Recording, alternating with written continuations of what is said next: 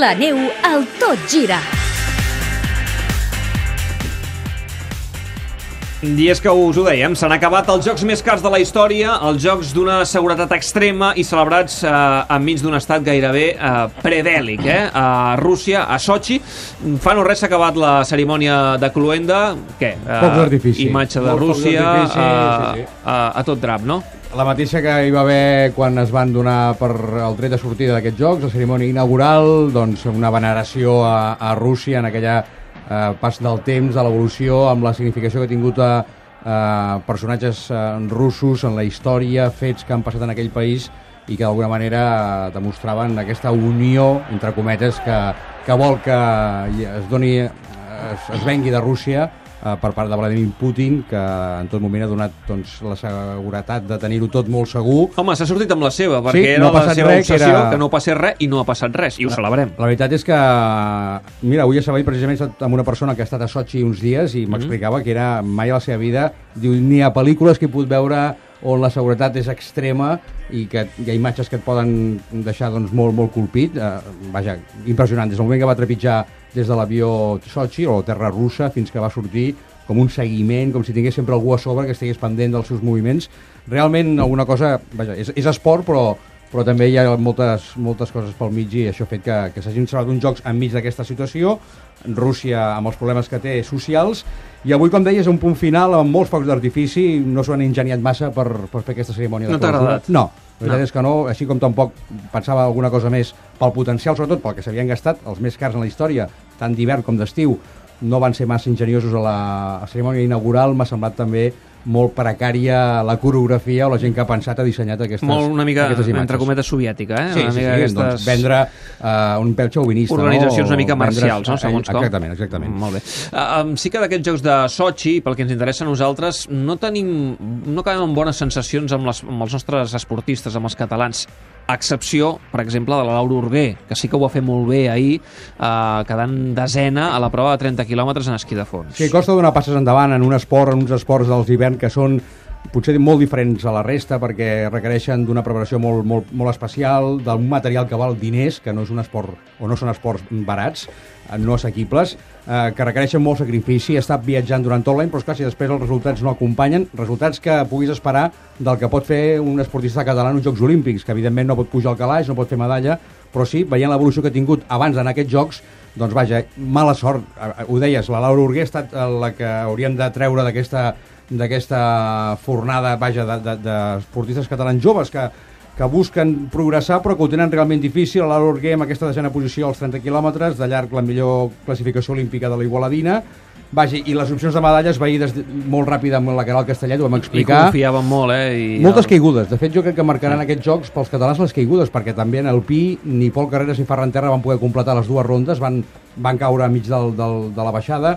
La, la, la Caral ja sabem tots com va anar el half-pipe, el mig tub, i ens quedaríem, amb, pel que fa a la neu, amb la participació de la Laura Urguer al, a l'esquí de fons. I en el gel, vaja, l'Ander Mirambell ja ens ho explicava ell mateix, una mica en el que ha estat la Copa del Món i les seves participacions, i també eh, l'Adrià Díaz i la, la Sara Hurtado, un patinatge artístic, doncs jo diria un paper discret també en posicions que encara estan molt lluny de, de poder dir que, que el gel català té opcions de fer un, Sí. un bon paper. les no? últimes posicions i amb l'Ander que esperava fer una mica millor, almenys millorar el que havia fet a Vancouver. volia entrar no al top aconseguir. 10, volia ser dels 20 primers, no va aconseguir-ho i tampoc va millorar la, la posició que va aconseguir a, a Vancouver. Si repassem el medaller, sento que criden al Sadar, el què passa, Garriga? Reclamen groga per Gavi. Hi ha hagut un salt amb Oriol Riera. Jo crec que és un impacte contundent, però que no mereix targeta. Molt bé. Doncs el joc aturat ara mateix a Pamplona, Osasuna 2, Atlètic de Madrid 0, a punt d'arribar al descans. Perdona, m'he deixat, m'he deixat també en el Pi l'Àlex Puente, Sí. l'aranès Àlex Puente, que també va entrar als Jocs d'una manera una mica... ni s'ho esperava, segurament, dos mesos abans d'anar a Sochi, uh, i va estar doncs, a 32è a l'eslàlom, un eslàlom on hi va participar Pol Carreras, que no va completar, i jo crec que un punt i a part també per l'Àlex Puente, aquest jove esquiador aranès, que va estar, va estar el millor en el Pi, en aquesta 32a, bàsicament perquè va poder fer les dues baixades i no va quedar a la meitat com va passar en els casos de, de Ferran Terra i Pol Carreras. Si mirem el medaller, home, és que mm, uh, l'enrabiada de Putin hagués estat descomunal si Rússia no acaba primera al medaller. Ha acabat primera. El Canadà, ho dius per l'hoquei gel? No, no, dic Ah. primera al medaller. Ah, exacte. El còmput global de, de, sí, de no, medalles. Això sí, no van poder A guanyar. l'hoquei gel no, eh? No van jugar a la l'hoquei final, no. van quedar fora, per, els va eliminar Finlàndia, però sí que és veritat que 33 medalles contemplen el medaller que s'endú Rússia amb 13 ors, 11 plates, 9 bronzes. Els Estats Units, segons, amb 28, 9 ors, 7 eh, plates, 12 bronzes, i Noruega amb 26 medalles, 11, 5 i 10. Ha estat doncs, aquesta repartició, diríem, al podi d'aquest medaller d'aquests eh, Jocs de Sochi, David, que ja són història. Molt bé, i ara el que volem fer és uh, repassar els noms d'aquests Jocs d'hivern de Sochi. I el primer, un mite uh, per aquells que us agraden els esports d'hivern i, vaja, podríem qualificar-lo de uh, esportista ja uh, que forma part de la història. El noruec Ole eh? Einar Bjorndalen. Sí, tres noms he escollit d'aquests Jocs de Sochi per diversos motius passaran a la història eh, després de- d'haver fet doncs, aquest seguiment, aquests tres noms.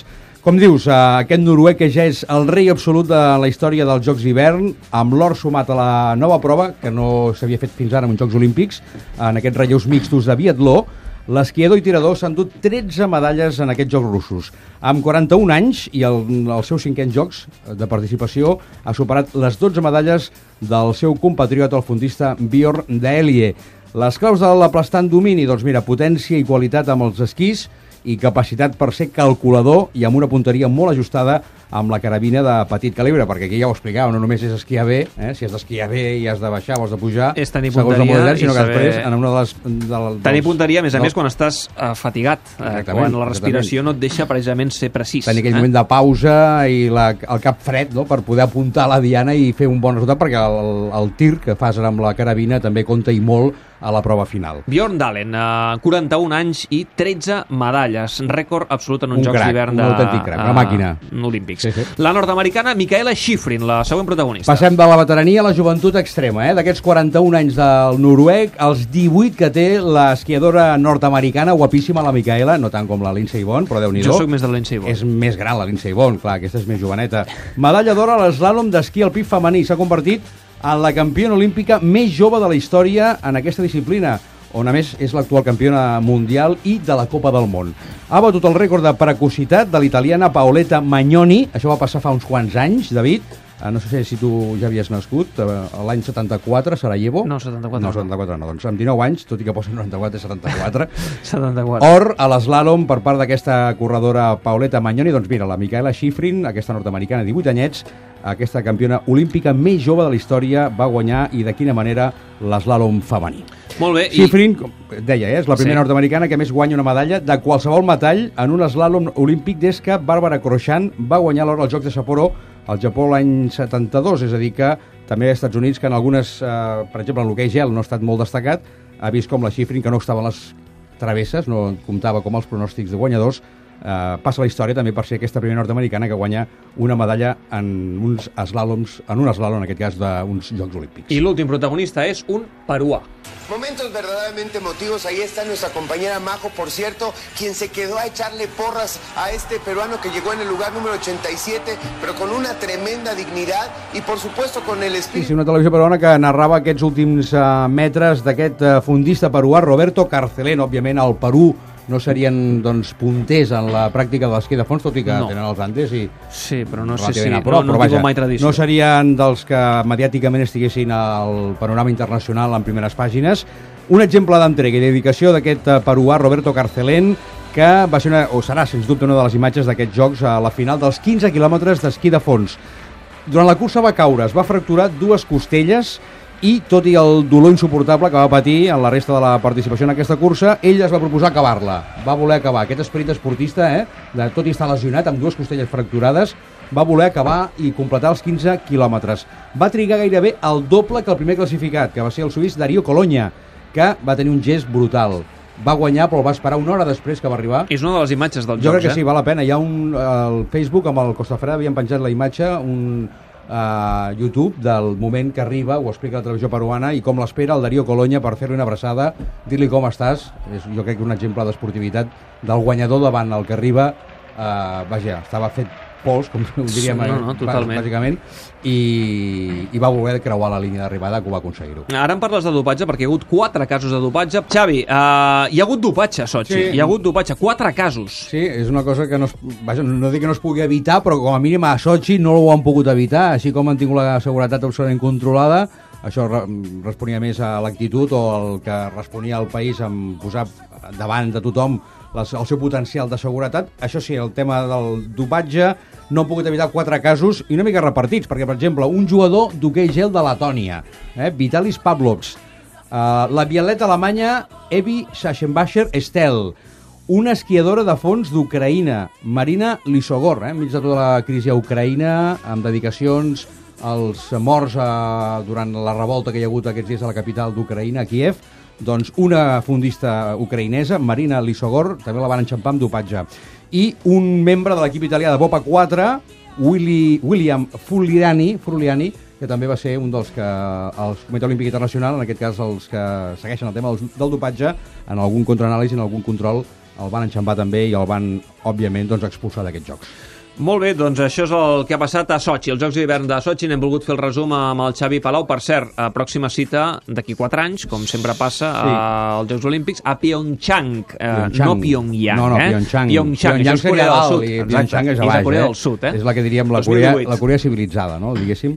Uh, sí, sí, sí, d'aquí a 4 anys veurem què és el que passa a partir de- d'ara, sobretot pels que, per l'esport català, no? que és el que ha de fer un salt endavant, un salt qualitatiu. Des del Comitè mm, d'Esports de Madrid han dit que estan satisfets, que, que hi ha futur, i fins i tot he sentit David Alejandro Blanco, que s'ha mullat i ha dit que hi haurà medalla a Pyeongchang. No, s'ha- no Aquestes, dit aquestes previsions que Sí, això a fer els vull- presidents de les guardar- espanyoles sí, sí. em, em semblen Doncs molt Alejandro curioses. Blanco, que ve d'una bona estubada que li van fumar amb el tema de Madrid, doncs Sí. ara eh, Comitès ja Olímpics, treu federacions pit. espanyoles, mm, Odriozola, per exemple, la Federació Espanyola d'Atletisme, li encanta Sí. també fer previsions i fallen sempre. Deixem dir abans d'acabar que tenim la guanyadora de Sí. la bossa Fisher, que regalem aquesta bossa per fer esport, per portar roba esportiva, per portar roba de qualsevol mena, per viatjar. Fisher, que fa 90 anys, la marca austríaca, que col·labora al Tot Gira i ens la regala. Se'n va a Olot, la Rosa Maria Montalva és la que s'endú aquesta bossa Fisher. La pregunta que fèiem, Caral Castellet, dues Copes del Món guanyades el 2011, ja vaig dir l'any que era una pista que havia dit març 2011 i novembre 2011, les dues cites.